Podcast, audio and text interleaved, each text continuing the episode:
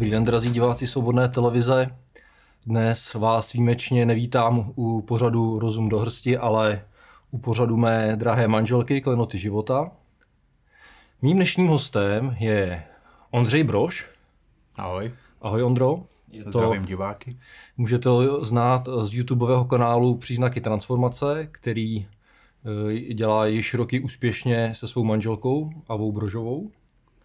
A e, mimo jiné Ondra e, také dřív spolupracoval se svobodným vysílačem, podobně jako já. A jeho hlavním tématem byly konspirace. A toto téma budeme rozebírat i dnes zde spolu. Je to stále živé téma, takže určitě rád o něm pohovořím s tebou. Já bych e, tento pořad začal citátem, který jsem našel někde na internetu, ale hodně se mi líbil, takže já ho tady přečtu. Být konspiračním teoretikem znamená trávit nekonečné hodiny a roky schromažďováním co nejvíce informací, co nejvíce zdrojů. Kriticky přemýšlet o tom, co tyto informace znamenají, a pak si nechat od lidí, kteří nedělají nic jiného, než že sledují televizi, říkat, že jsi blázen. Já bych k tomu dodal a jsi taky odsouzený k tomu neustále sledovat, jak se to stává pravdou a i přesto jsi stále blázen. A chybí tam ta sebereflexe hlavně pak od těch lidí, že kdyby aspoň jednou za čas přišli a řekli, řekli nám, jo, měli jste tenkrát pravdu, uznáváme, to se taky člověk moc nedočká. Eh, tohle to bylo eh, asi nejvíc vidět, což je téma, ke, kterému se dostaneme vlastně za toho, já tomu říkám zlovit, eh, tak tam to bylo, že se velmi zkracovala ta doba mezi, protože se říká, jaký je rozdíl mezi teorií a mezi konspirací a pravdou tři měsíce a za toho zlovidu se to velmi zkracovalo. To znamená, že eh, alternativa řekla, hele, chtějí zavést pasy, covid pasy a i když Politici říkali, že to není pravda, tak za pár dnů, týdnů se to ukázalo, že to pravda je, takže u toho covidu to bylo velmi zřejmé. A jak ty se k tomu vůbec dostal, Ondro, k tomuhle tématu? Eh, k tématu, no, eh, já jsem o svém osobním příběhu mluvil mnohokrát, takže to velmi zkrátím. Eh, pro mě byl hlavní dokument odhalení hudebního průmyslu, protože já, můj oblíbený zpěvák Eminem, miluji ho celý život, poslouchám ho celý život asi od 9 let. A když jsem viděl ten dokument odhalení hudebního průmyslu, kde vlastně se hovořilo o tom, jak ten hudební průmysl je ovládaný skrze uh, mocnáře, jak do toho vkládají svoji propagandu, jak vlastně skrze to ten svět uh, vlastně manipulují a tak dále, tak tam, uh, tam u mě došlo k takovému momentu, kdy jsem si uvědomil, aha, všechno je jinak.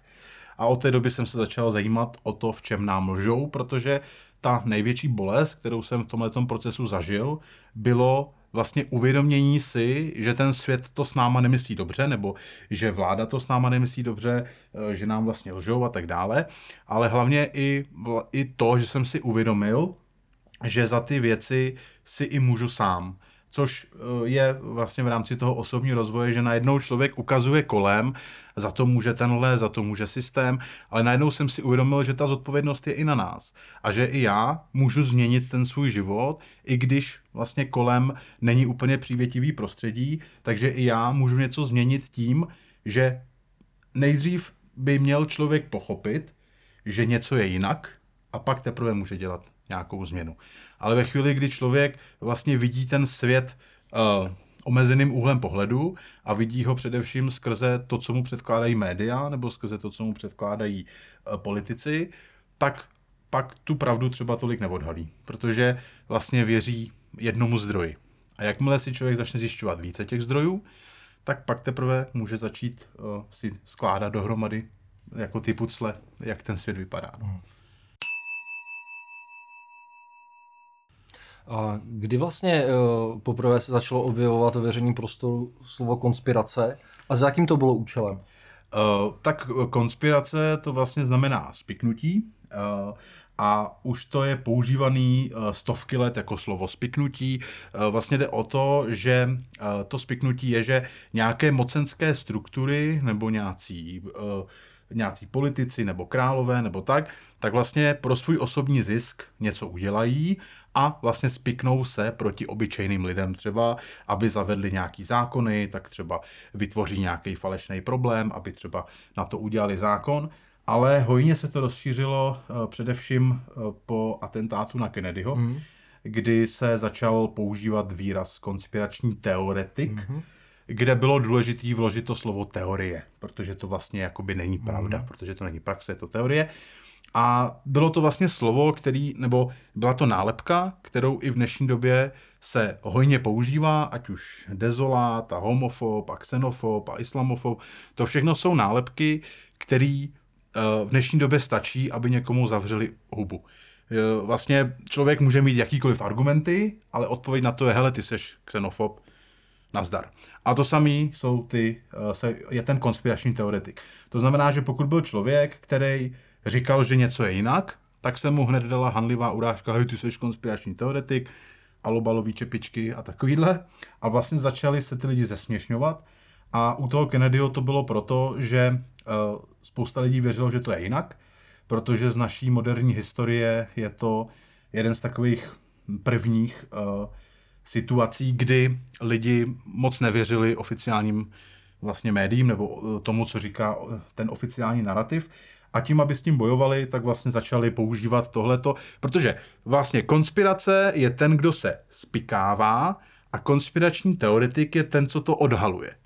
Jo? A tam už je to, tam už jsou takové jako ty protiváhy a proto je to teď takový docela oblíbený slovo, který se teď vyměňuje za dezinformace a dezolát a takový věci. No. To by se eh, podařilo udělat eh, několik rozhovorů s Davidem Ikem. To je největší dezolát. ano, samozřejmě. A já bych si chtěl zeptat, jestli se i třeba stotožňuješ s tou jeho teorií, že nahoře úplně ty pyramidy už nejsou lidi, ale že tam jsou, řekněme, nějak, že tam je nějaký ten mimozemský element. Myslíš, že, že na tomhle může být něco pravda, nebo tady David už ulítává? No, eh, já můžu říct, že aniž bych se chtěl pasovat do nějaké dole, tak já jsem tomu věřil ještě dřív, než jsem to od něj slyšel. Hmm. Eh, já osobně, těch teorií je samozřejmě spoustu. Já jsem i dřív dělal eh, vlastně takový grafy, možná když najdu pak obrázek, můžeme ukázat, vlastně jak, jak funguje pyramida iluminácké nadvlády, takhle jsem tomu říkal. A tam vlastně dole jsou lidi, pak jsou různé instituce, školy, eh, pak jsou různé think tanky, bohaté rodiny a tak dále. A pak nahoře je vlastně eh, znázorněný to oko, to boží mm. oko, co je na té dolarovce. A tam si každý může do, vlastně dosadit, co chce. Za mě jsou to uh, mimozemšťani. Um, mně se nejvíce, uh, se mi zamluvala teorie o tom, že nás využili jako uh, otroky roboty pro získávání třeba drahých kovů nebo jakoby v rámci zotročení, uh, že vlastně vzali tu naší bytost, omezili ty, to DNA, udělali z nás. Uh, Mně to dává, já bych, ono je to jako zlouhavý, takže to nebudu úplně rozebírat, ale dává mi to na srozuměnou to, proč jsou lidi uh, tolik majetnický, hmm. uh, proč jedna z věcí, co nechápu, proč dávají obrovské ceny drahokamům, a že někdo něco vykope ze země a řekne, tohle to bude stát milion a lidi to kupují jak zběsilí a myslí si, jak jsou hrozně bohatý, zvyšují si tím osobní hodnotu. Eh, tím, jak jsme vlastně posedlí tím mamonem, tím, jak jsme posedlí tím získáváním, hromaděním, vykořišťování planety a tak dále, to si myslím, že je kvůli těm mimozemšťanům, že třeba potřebovali financovat nějakou galaktickou válku, tyhle ty. Nezajímám se o to tak do hloubky, ale to, že tedy ta původní otázka, že zatím vším stojí mimozemšťané, já s tím souhlasím. Po vraždě JFK uh, přišla další událost, která je dodnes uh, často označovaná jako konspirační teorie. A teď se budeme bavit o přistání na měsíci. Uh, Zajímal jsi se o tuhle konspirační teorii nějak víc? Protože tam že se říká, že jsme vlastně na tom měsíci vůbec nebyli. Mm-hmm. Uh, no, uh, to bude trošku obsálejší, ale ještě bych rád doplnil k tomu JFKovi, že on s tím vlastně souvisí, že, protože on vlastně že řekl, že prostě do deseti let lidé přistanou na měsíci a vlastně byl to ten boj s těma rusákama a takovýhle. Uh, u toho JFK je, tam je důležitá věc, že vlastně existuje ten Zapruder film, což je vlastně jediný takový oficiálně uznávaný záznam. A ať už to bylo jakoliv, Lee Harvey Oswald v tom prostě byl nevinně, pak ho že ho rychle zabil Jack Ruby, aby to nebylo nějak moc podezřelý. A e, já si myslím, že Kennedy ho zastřelil spolujezdec. Protože uh-huh. když mhm. se podíváte v tom Zapruder filmu... Čím spolujezdec nebo, nebo řidič? Řidič spolujezdec, protože v tom Zapruder filmu tam je vlastně jedna rána, já myslím, no. že byli domluvení a že byla tam vlastně jedna rána A v tu chvíli se spolujezdec otočil a přišla druhá rána a v tu chvíli Jacqueline Kennedyová začala lézt dozadu na to auto a oficiální uh, informace byla, že byla v šoku a snažila se vzadu na té kapotě auta sebrat mozek Kennedyho. Mm-hmm. Ale podle mě ona viděla, že vystřelil ten spolujezdec a začala zdrhat dozadu, protože se bála, že ji zabijou taky. Mm-hmm. A vlastně v tu chvíli přiběhl bodyguard zezadu a začal jít pát zpátky. A to byl spolujezdec, co byl vedle řidiče, teda, ano, jo? ano, protože mm-hmm. tam je jasně vidět, jak, jak vlastně padne rána, spolujezdec se otočí a v tu chvíli padne další. A teď jsou tam rozbory, jak by to muselo být pod jistým úhlem, hmm. jak by Harvey Oswald nemohl jako tak rychle nabít tu zbraň. Potom jsou tam výpisy, je tam desítky svědků, který po tom atentátu zemřeli na autonehody, únosy a další věci. Prostě těch důkazů je tolik, že uh, ať už to bylo jakoliv, hmm. tak rozhodně to nebyl osamělý střelec. Hmm. To bych k tomu chtěl říct. Ale to už si pak každý může dohledat, jak chce. A to přistání na tom měsíci. Já nejsem člověk, který by úplně házel nějaký eh, fakta, tém, eh, datumy a nějaký data, ale jsou, eh, řekněme, opravdu desítky různých důkazů, který se samozřejmě dají vyvrátit, že ovšem. My jsme se o tom zrovna bavili před, před natáčením, že třeba jedna z věcí je, že na tom, na tom povrchu je fotka otisku vlastně boty toho skafandru a ten skafandr je v muzeum. A jsou to jiný otisky. Mm-hmm. To je taková jedna věc. Ten skafandr má vlastně rovnou podrážku mm. a ty otisky mají drážky. Mm. Jo, e, další vlajka, že jo, prostě spoustu věcí. Já osobně si myslím, že na měsíci rozhodně přistáli, ale ne v tu dobu a to video, který nám ukazovali. Že to bylo skutečně natočené někde a podle mě na tom měsíci prostě uh, se s někým setkali, to si myslím já. A ten jim jasně řekl, už se sem nevracejte. To si myslím já, protože by to i vysvětlovalo to, proč jsme se tam nikdy nevrátili, nebo jakoby proč vlastně eh, před, eh, před 40 lety, 40 plus lety jsme tam doletěli s technologií, která se vůbec eh, ani vzdáleně nemohla prostě vyrovnat s tou, co máme teď a najednou o to nikdo nemá zájem. Hmm. Maximálně uvádí, že tam jsou nějaký sondy, Jo, takže já si osobně myslím, že jsme tam určitě přistáli, jako myslím jako civilizace, ale že tam k něčemu došlo, co nikdo neví, hmm. nebo a že to přistání bylo zinscenované hmm. proto, abychom, aby porazila USA Rusáky. Hmm.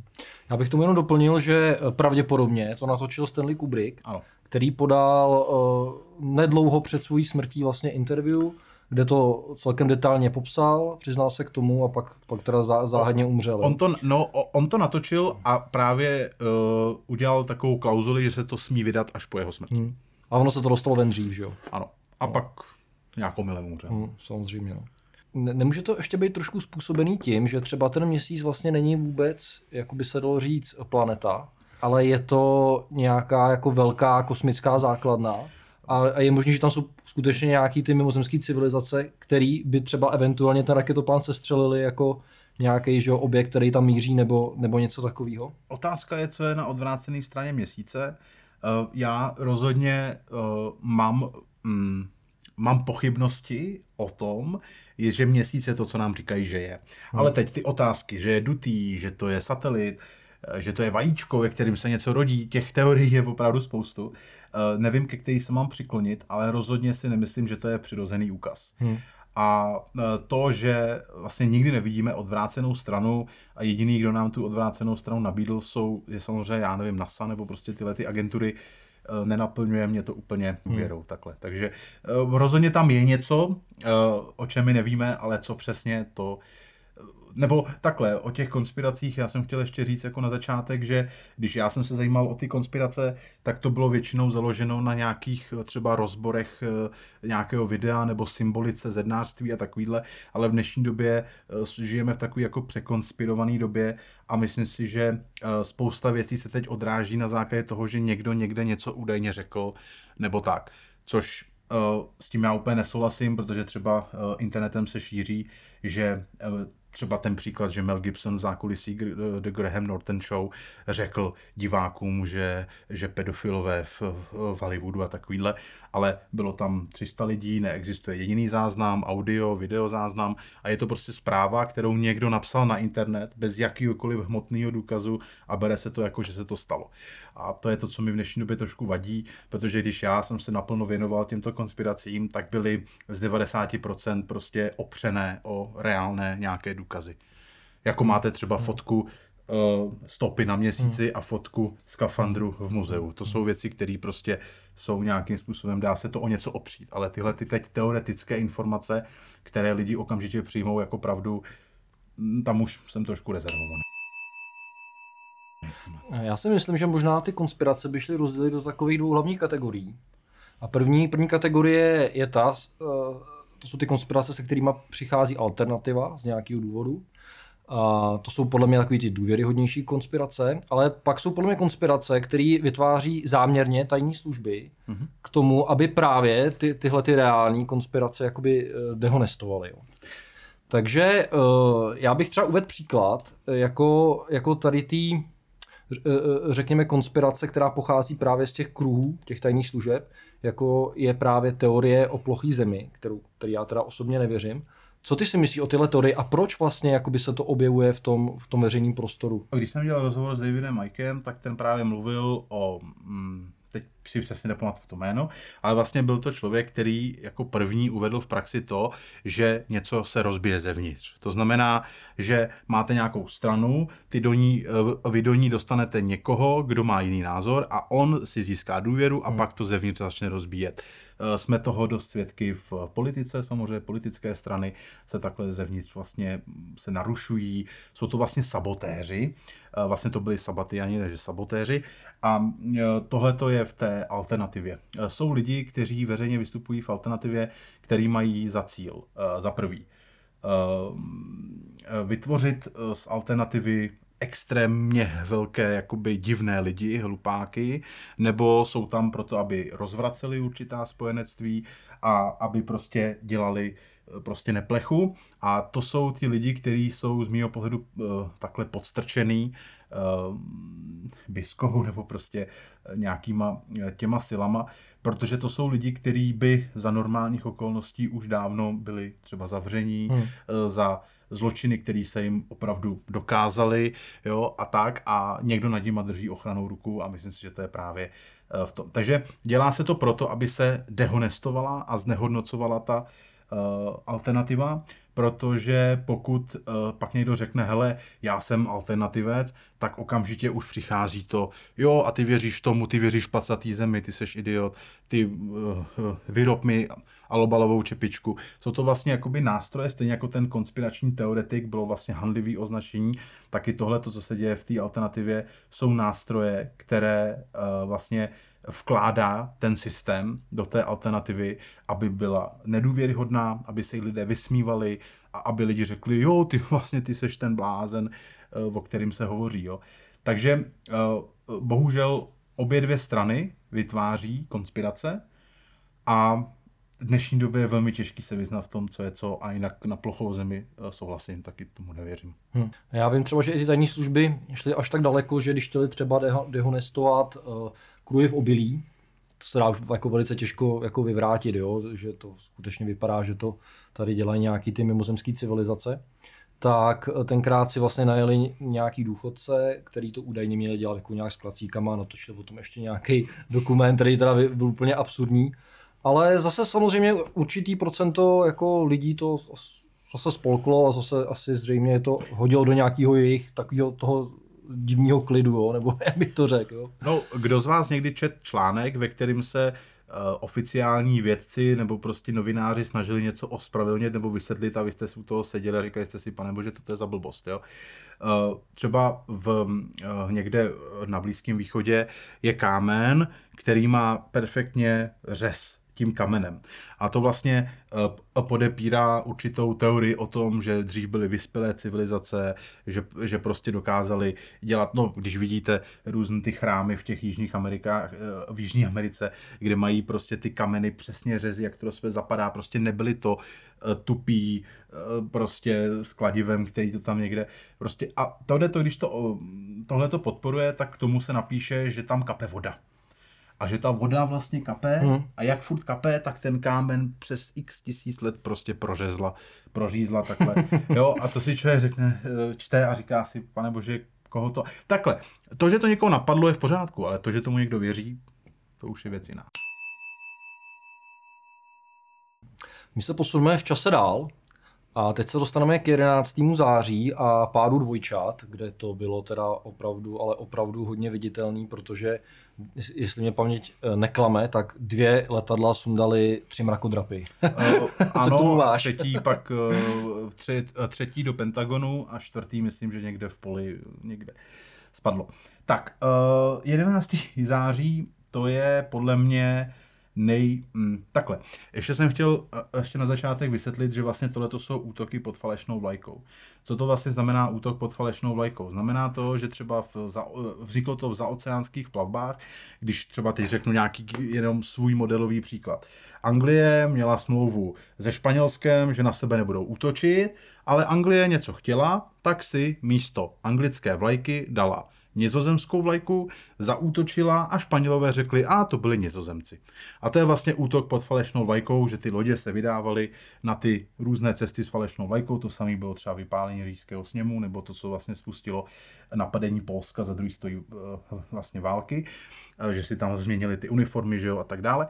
A takže to jsou vlastně útoky pod falešnou vlajkou. A teď jde o to, že když se někdo zeptá, proč se stalo 11. září, nebo má to obrovské množství rovin. Je tam obrovské množství věcí, co se tím změnilo. Za prvý někdo tím získal obrovské peníze, eh, za druhý eh, vlastně eh, se mohlo kompletně změnit celý svět. Protože kdo se dívá na starý filmy, říká si, Ježíš, to se šlo do letadla normálně, hmm. hmm. tam se kouřilo, tam si hmm. mohl vzít cokoliv, hmm. měl si sebou flašku vody, nikdo to neřešil. Vlastně ten svět, já tak jako rozděluju svět před, eh, před druhou válkou, po druhé válce a svět před 11. září a po 11. září.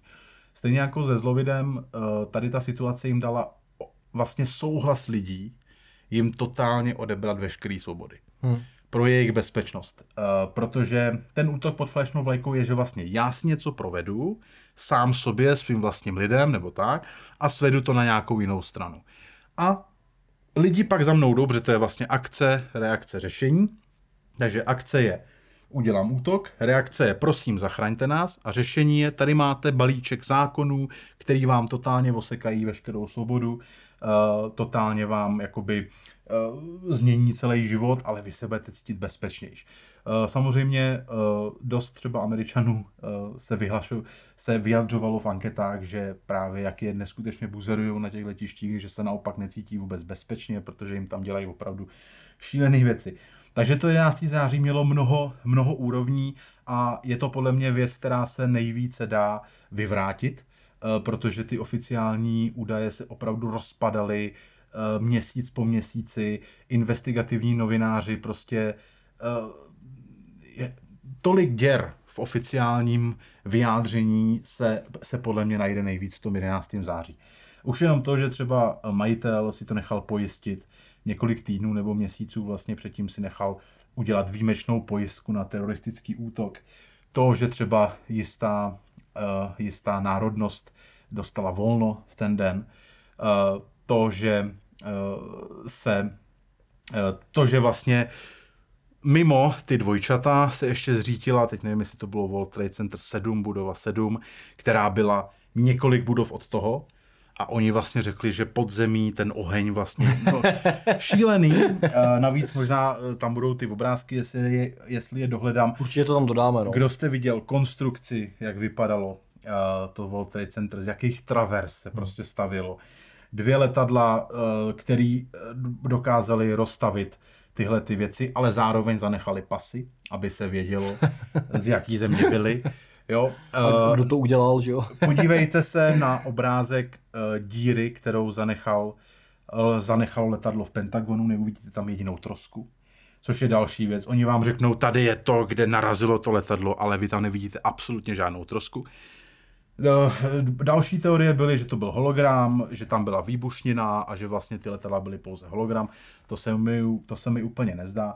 Já rozhodně uh, za mě si myslím, že opravdu se stalo to, že tam ty letadla narazily, ale že tam byla řízená demolice, protože další, kdy vznikl ten, uh, vlastně ten palačinkový efekt, že, že ta budova vlastně fakt klesla dolů, je, je vlastně vysoce nepravděpodobné v nárazu těchto uh, dvou, dvou, dvou letadel.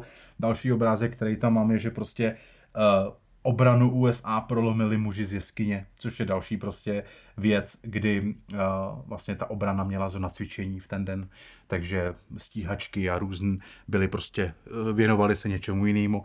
Prostě tolik věcí, aby se to stalo. A to, s tím se vlastně váže i uh, to, i to programové předpovídání, což by ale bylo, což by bylo na dlouho, takže pokud chcete, já sice ten kanál Iluminace neprovozuju, ale mám tam několik videí, kde jsem to, eh, a ono i dneska to, to prostě najdete, indicie ve filmech a seriálech, kde prostě předpovídají, že se, že, že se stane 11. září. Vlastně funguje to tak, že pokud někoho na něco připravíte mm-hmm. podvědomně, mm. tak ten člověk je mnohem uh, ochotnější mm. to přijmout a smířit se s tím. Takže třeba uh, si všímejte, co vám říkají v médiích. Já jsem to říkal na jednom příkladu, četl jsem neustále, jak se někdo na silnici zabíjí. Neustále byly články, že tady ten havaroval, tady auto nehoda, tady auto nehoda. Říkám, co se to děje. A najednou zpráva, chceme změnit legislativu, chceme udělat tohle, tohle. Pokud by lidé nečetli ty zprávy, tak by řekli, no tak to v žádném případě. Ale teď, když ty zprávy čtou, tak říkají, ano, na silnici je nebezpečno, je potřeba, abyste s tím něco udělali. A to je vlastně programové předpovídání. Nejvíc to bylo vidět třeba ve, třeba ve filmu Návrat do budoucnosti, eh, vlastně Marty McFly, že jo, a to. Tak eh, mám tam video, který teda bych teď udělal trošku svižnější a jinak, ale když si to pustíte, je to až neuvěřitelný, jak ve filmu z roku 1985 je jasně řečeno, že bude zničený uh, World Trade Center v New Yorku. Hmm. Takže uh, Věděli to, že to udělají, protože devítka, jedenáctka je silný číslo, ať už pro sednáře nebo tak. Ono celkově ta numerologie, kolik mělo pater, kolik mělo oken, eh, prostě tyhle ty všechny věci jsou numerologické. Hmm. Když se na to podíváte, nebo třeba i uh, nějaká budova, která, ve které se předávají buď Oscary nebo něco, tak sídlí i na, i na adrese, která při sečtení dává dohromady patonský rok. Tohle to jsou, tohle to je všechno to v tom, co jsem začal najednou vidět, sledoval jsem videa, najednou mi to všechno začalo dávat smysl, jak je to propojený a jak vlastně to, s čím oni se nám vysmívají, že věříme numerologii a tak, tak sami dělají. Jo, tyhle ty vlastně lidi, co to tady řídí a tak, kterým se taky asi dostaneme. Takže to, že 11. září se stalo tak, jak říkají oficiální média, tak tomu ani nevěří sami američani. Hmm. Podle nejnovějších průzkumů tomu moc nevěří. A já se jim nedivím, protože uh, těch děr tam bylo tolik, že mm, to už nešlo nějakým způsobem ani, eh, nebo jak bych to řekl, prostě už to bylo tak očividný, že radši se to nechalo být a, a jdeme dál, ale v novém světě, který je pro nás mnohem nevýhodnější. Uh, další konspirační teorie, která se samozřejmě mainstreamem vydává za krutou pravdu, je, jsou skleníkové plyny, zejména CO2, který mají údajně způsobit na planetě katastrofu a já, si, já k tomu jenom tady připomenu jen takový obrázek, eh, kdy, který mě hodně pobavil, proběhlo to na sociálních sítích a tam je uh, eh, takový ten týpek s Anonymous, s tou maskou a takhle, takhle ukazuje na ty lidi a říká, vy jste, vy jste to CO2, který chtějí eliminovat. A to se mi vlastně jako hrozně líbilo, že, že to mělo takovou možná i trošku hloubku a možná to i něco vypovídá o těch věcech, o kterých jsme se tady celou dobu bavili. Když se podíváte na naši historii, tak eh, funguje to na obvinování. Ty jsi viník. Ať už v rámci náboženství, že ty seš viník, ať už v rámci uh, prostě zlovidu, ty seš viník, protože nenošíš roušky, tak kvůli, tak kvůli tobě všichni zabijí. Tak teď zase frčí CO2 a ty seš viník za to, že vůbec žiješ. Za to, že vůbec si dovolíš dechat, tak už ty tady ničíš tu planetu. Um, já tady nebudu sedět a předstírat, že neničíme planetu, rozhodně se k ní nechováme tak, jak bychom se k ní chovat mohli v rámci možností. A já osobně jsem pro takové ty základní věci, jako že nevyhazujte odpadky v lese, eh, třičte odpad třeba a takovýhle, ale rozhodně nejsem pro ekoterorismus, Protože jenom abych vysvětlil, jednou jsem to nazval ekoterorismem a teď někdo říká, ale ty jsi příznaky, vy přece chcete tu ekologii. Říkám, ano, ekologie to je, to je jako jedna věc, ale pokud to berete tak, že budete vydávat emisní povolenky, za které se lidi budou platit, uh, budete uh, dávat prostě nálepky na počítač, aby lidi viděli, kolik ten počítač dělá emisí.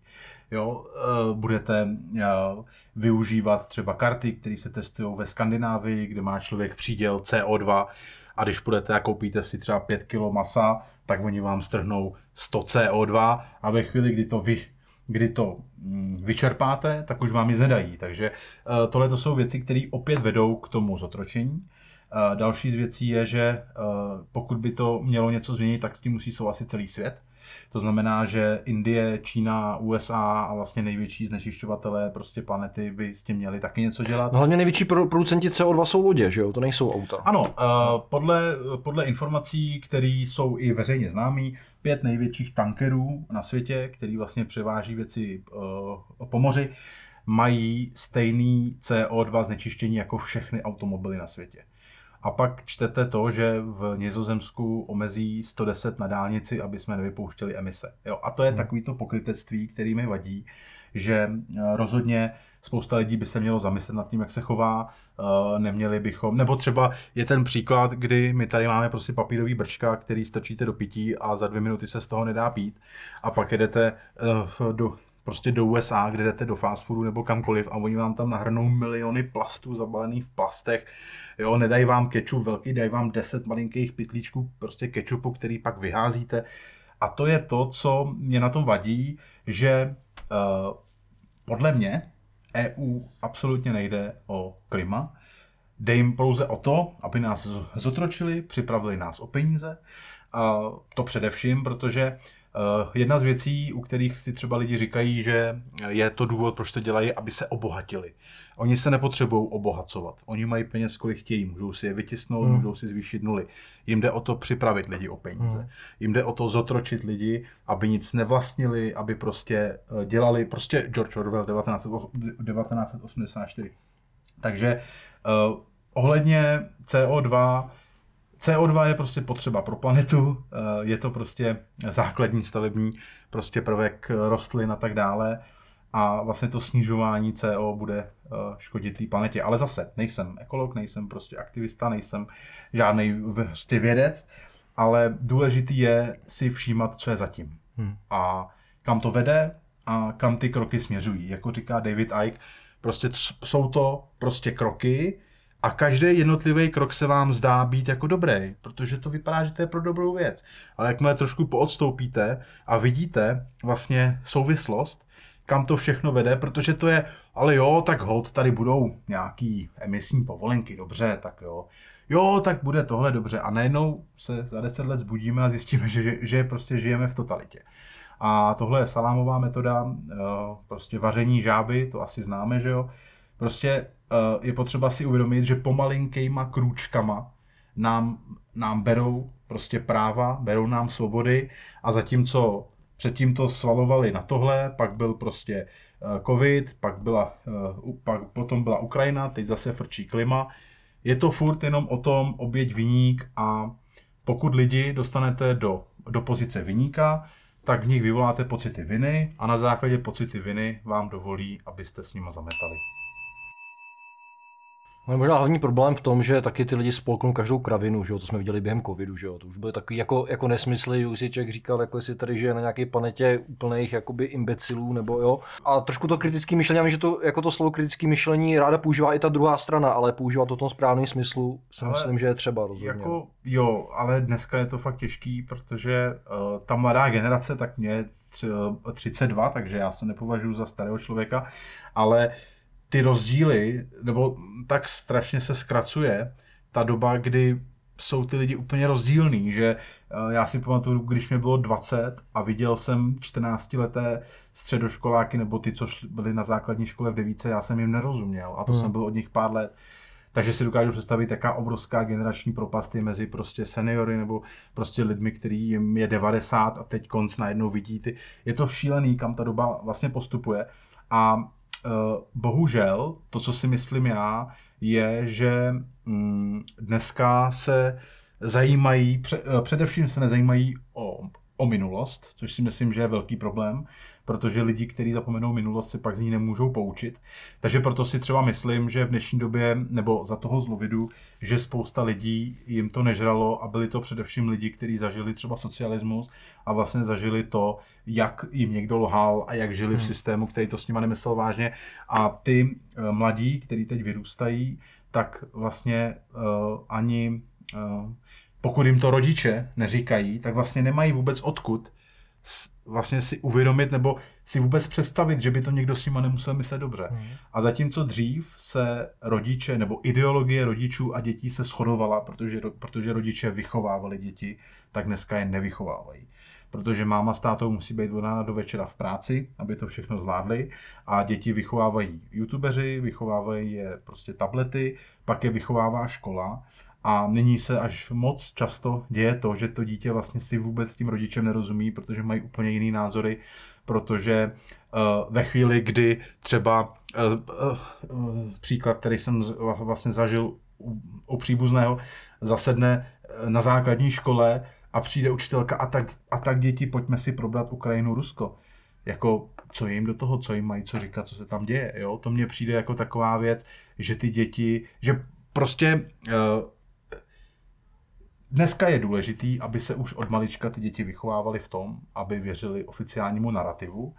A to kritické myšlení je v dnešní době především směřováno eh, k duchovnu, k alternativě a to, že někdo řekne, že mm, třeba zlovit byl podvod, tak okamžitě kriticky myslet, to znamená nevěřme mu.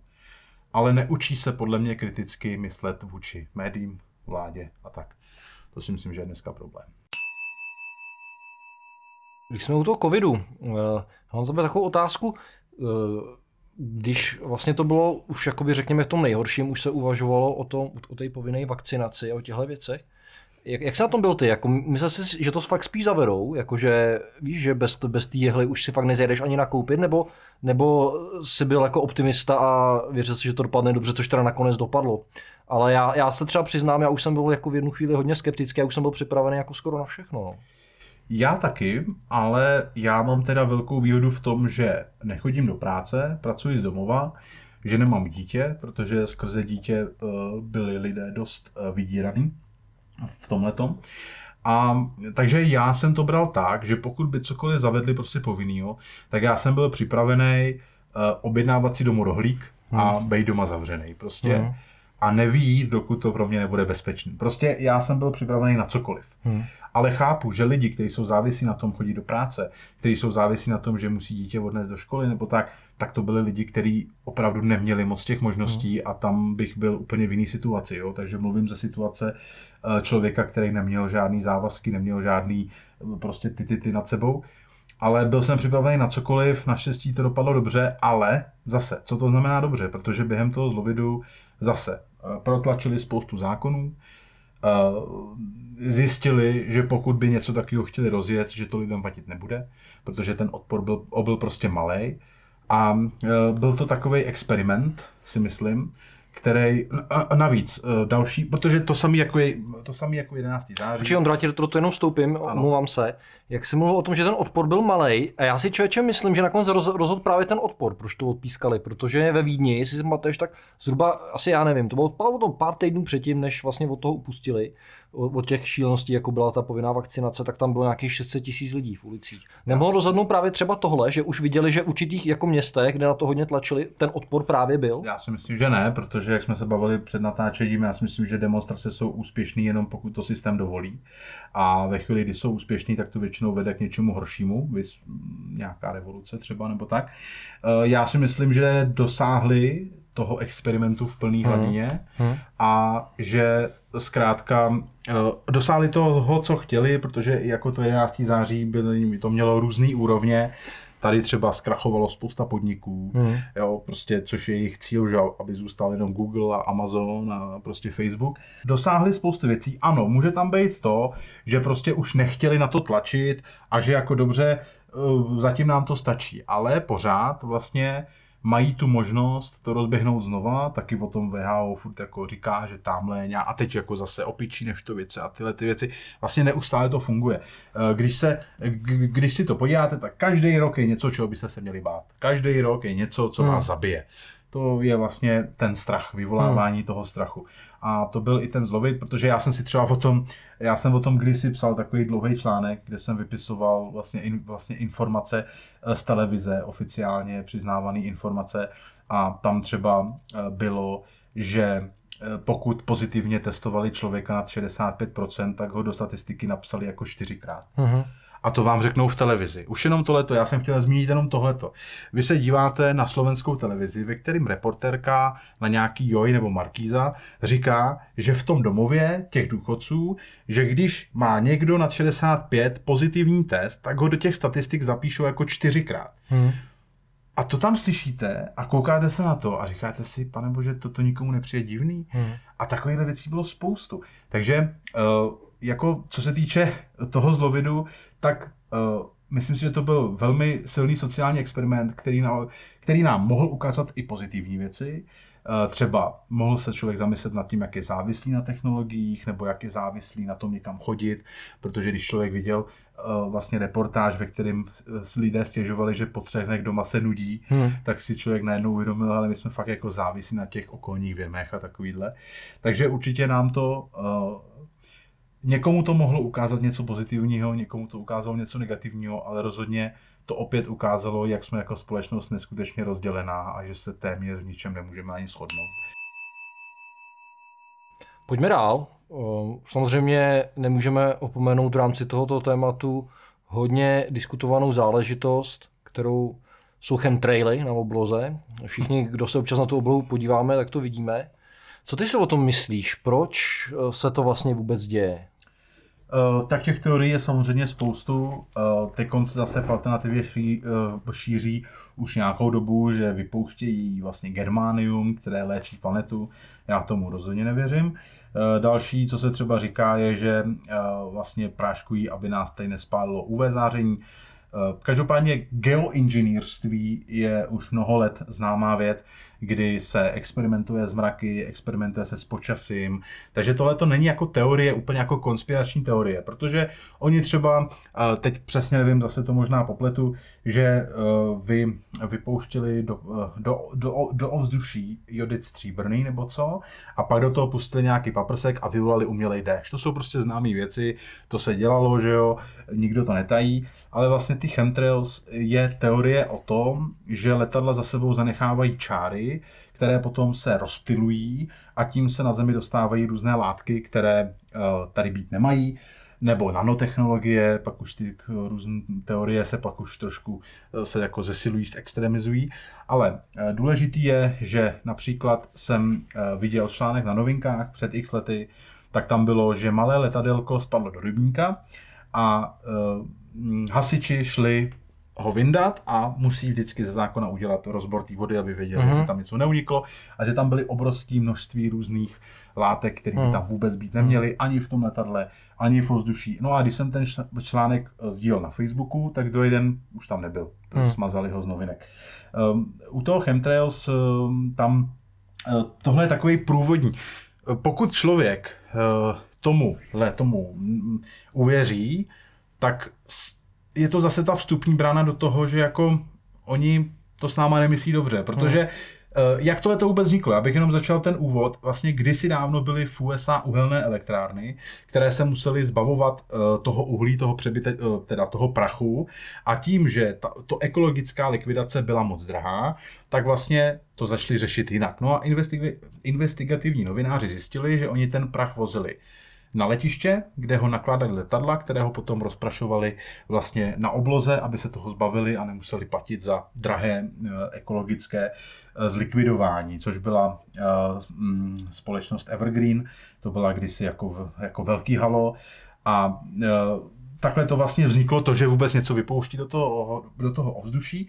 No a pak se stalo to, že se najednou lidé začali všímat, že ty takzvané contrails, to jsou vlastně kondenzační stopy, mm. tak to jsou ty, které mizí okamžitě, mm. během několika vteřin. A chemtrails jsou ty, co zůstávají a postupně se rozšíří a vytvoří takový mléčný, šedivý prostě uh, takovou deku. A mm, kdo těch obrázků je obrovské množství. Teď jde o to, jestli je to pravda nebo ne.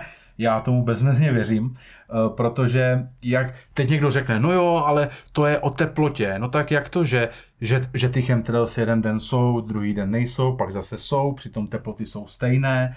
Jak to, že, a jak to, že letadla lítají v jiný prostě vejšce a někdy to dělají, někdy to nedělají. Eh, vzpomeňme si na mraky našeho dětství, mého třeba ne, ale starších lidí. Bílé nadýchané obláčky nebo prostě nějaké to. A teď ty hnusy, co vidíme na té obloze, modrou oblohu už téměř nevidíte. Je to prostě šedivá obloha, což se dřív se takhle chtělo řešit uh, vlastně klima, že se, vlastně myslím, že tam figuroval Bill Gates v tomhle nějakým způsobem, že uh, bude dělat umělou a aerorosolovou clonu, která bude vlastně posilovat, um, vlastně odrážet UV záření, aby se tolik ne, uh, ne, neohřívala planeta. Takže tady to vlastně s tím, s tím aerorosolem je oficiální, jenomže ta teorie o chemtrail zachází i, do, i právě do toho, že se tam dává bárium, arzenit a obrovský množství látek, které jsou škodlivé pro naše tělo, můžou nám ovlivňovat náladu a tak dále. Takže uh, u, týho, u toho chemtrail si to na každém, jestli tomu chce věřit nebo ne, ale pamatuju si poprvé, když mi to někdo říkal, tak jsem si říkal, to je nesmysl. A ty mi říkal, podívej se někdy na tu oblohu. Říkám, jo, jo, jo. A pak jsem jednou jel v autě, pamatuju si to teďka, Zastavil jsem, vylez jsem z fil, eh, jako ve filmu jsem vylez z auta, koukal jsem a říkal jsem, je to strašný, to nejsou mraky, to jsou čáry, pak se z toho stanou takový obrazce prostě divný. A od té doby to sleduju a věřím tomu, že tato uh, konspirace je velmi reálná. Hmm. Nemůže to mít třeba souvislost, jak se říká, jako, jako z 5G, že to posiluje jako vodivost toho vzduchu a jsou taky takové teorie, které jsem jako no, někde četl a ono, že to 5G už je teď skoro všude a samozřejmě dá, dá se podle toho s tím dělat leco do budoucna, samozřejmě i nějaký že, řízení Androidů ve finále a, ty, a tyhle ty věci. Jako. Takže nemůže to být i trošku vlastně i o té dal, další konspirační teorie, na kterou jsem se tě chtěl zeptat, a to je umělá inteligence, kdy se, kdy se vlastně říká, že by to tady vlastně mohla i jednoho dne převzít a mohla by to být vlastně planeta strojů. No, eh, to, jestli se dokáže umělá inteligence zbouřit, si myslím, že to je naprosto zbytečná otázka, protože samozřejmě, že ano. A myslím si, že žádný uh, obraný nějaký kódování nebo něco. Prostě uh, myslím si, že si rozhodně zahráváme s něčím, a třeba ty filmy jako Terminátor a takovýhle, já tomu, všeho, já tomu všeobecně říkám Skynet a Skynet je v dnešní době Google trošku, teď jsou třeba ty Boston Dynamics a takovýhle. Uh, myslím si, že z toho bude průšvih, ale zase na druhou stranu nám to teď otevřelo dveře k různým novinkám. Uh, mám k tomu takový jako takový, neu, takový neutrální postoj, protože na, protože na jednu stranu se mi s tím jako dobře pracuje, nemyslím s umělou inteligencí, ale celkově, jako myslím že to má určitě přínosy, ale zase na druhou stranu to může vést k nějakému, no, eh, to, že spousta filmů pojednávalo o tom, nebo různých tvůrců pojednávalo o tom, že umělá inteligence se může zbouřit a může nám to dát pěkně jako sežrat, že to není náhoda, protože spousta té tvorby přichází z informačního pole a myslím si, že lidé, kteří se tam dokážou napojit, tak si stáhnou určitou informaci, řeknou si, hele, to by mě tak mohlo napadnout a ono se to třeba stane, protože to je prostě uh, vlastně v rámci toho informačního pole. Takže si myslím, že to je dost reálná věc, že že ta, že ta, umělá, že ta umělá inteligence může vést do velkého průšvihu. No. Hmm.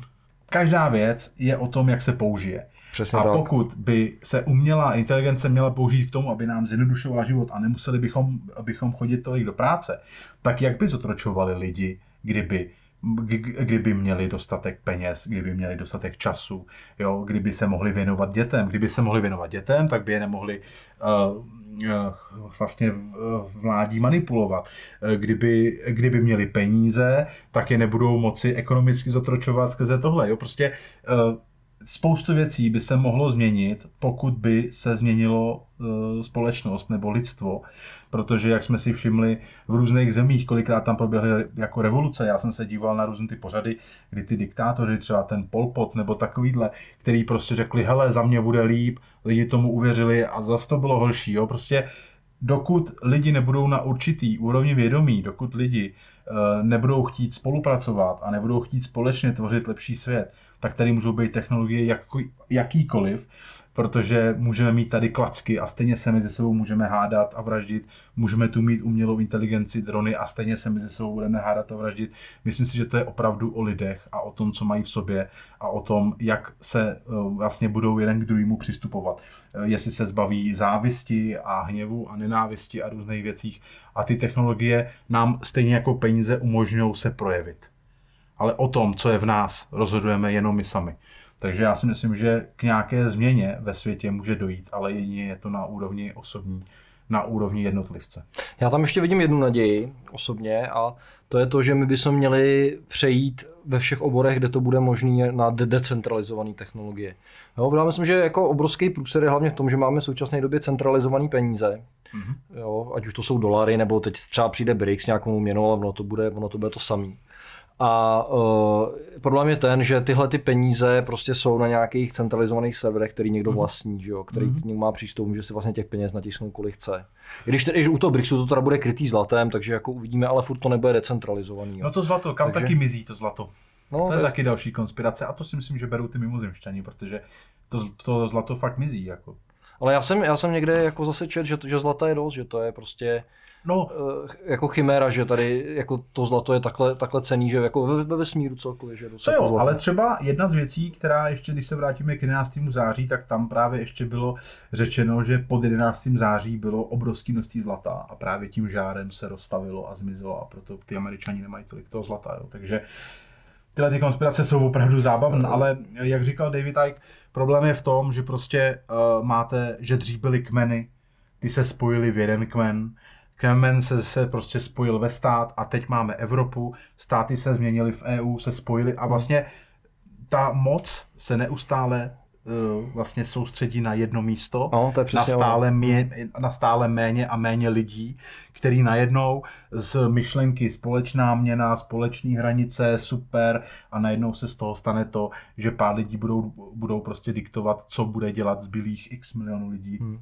To je ten problém. No, jako no, my samozřejmě už tu technologii jako nezastavíme, jo, ten technologický no, zestup, ale my prostě musíme teď se zaměřit na to, aby jsme využili těch technologií, které máme k tomu, aby ten systém byl co nejspravedlivější, což je třeba Bitcoin, a, mm-hmm. ale, ale je to hlavně obecně decentralizovaný blockchain.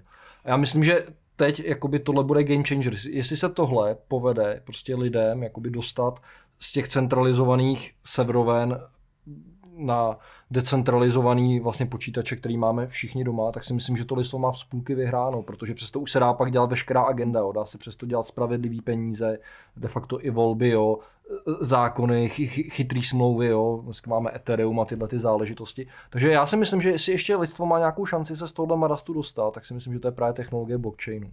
Eh, rozhodně, já tomu za stolik nerozumím těm těm věcem, ale zase si myslím, že všechno se dá jako zneužít a proto bych chtěl jenom zase připomenout, že eh, to může fungovat, klidně ten svět může fungovat do teďka tak, jak funguje, ale prostě nesmí být lidi svině. Hmm.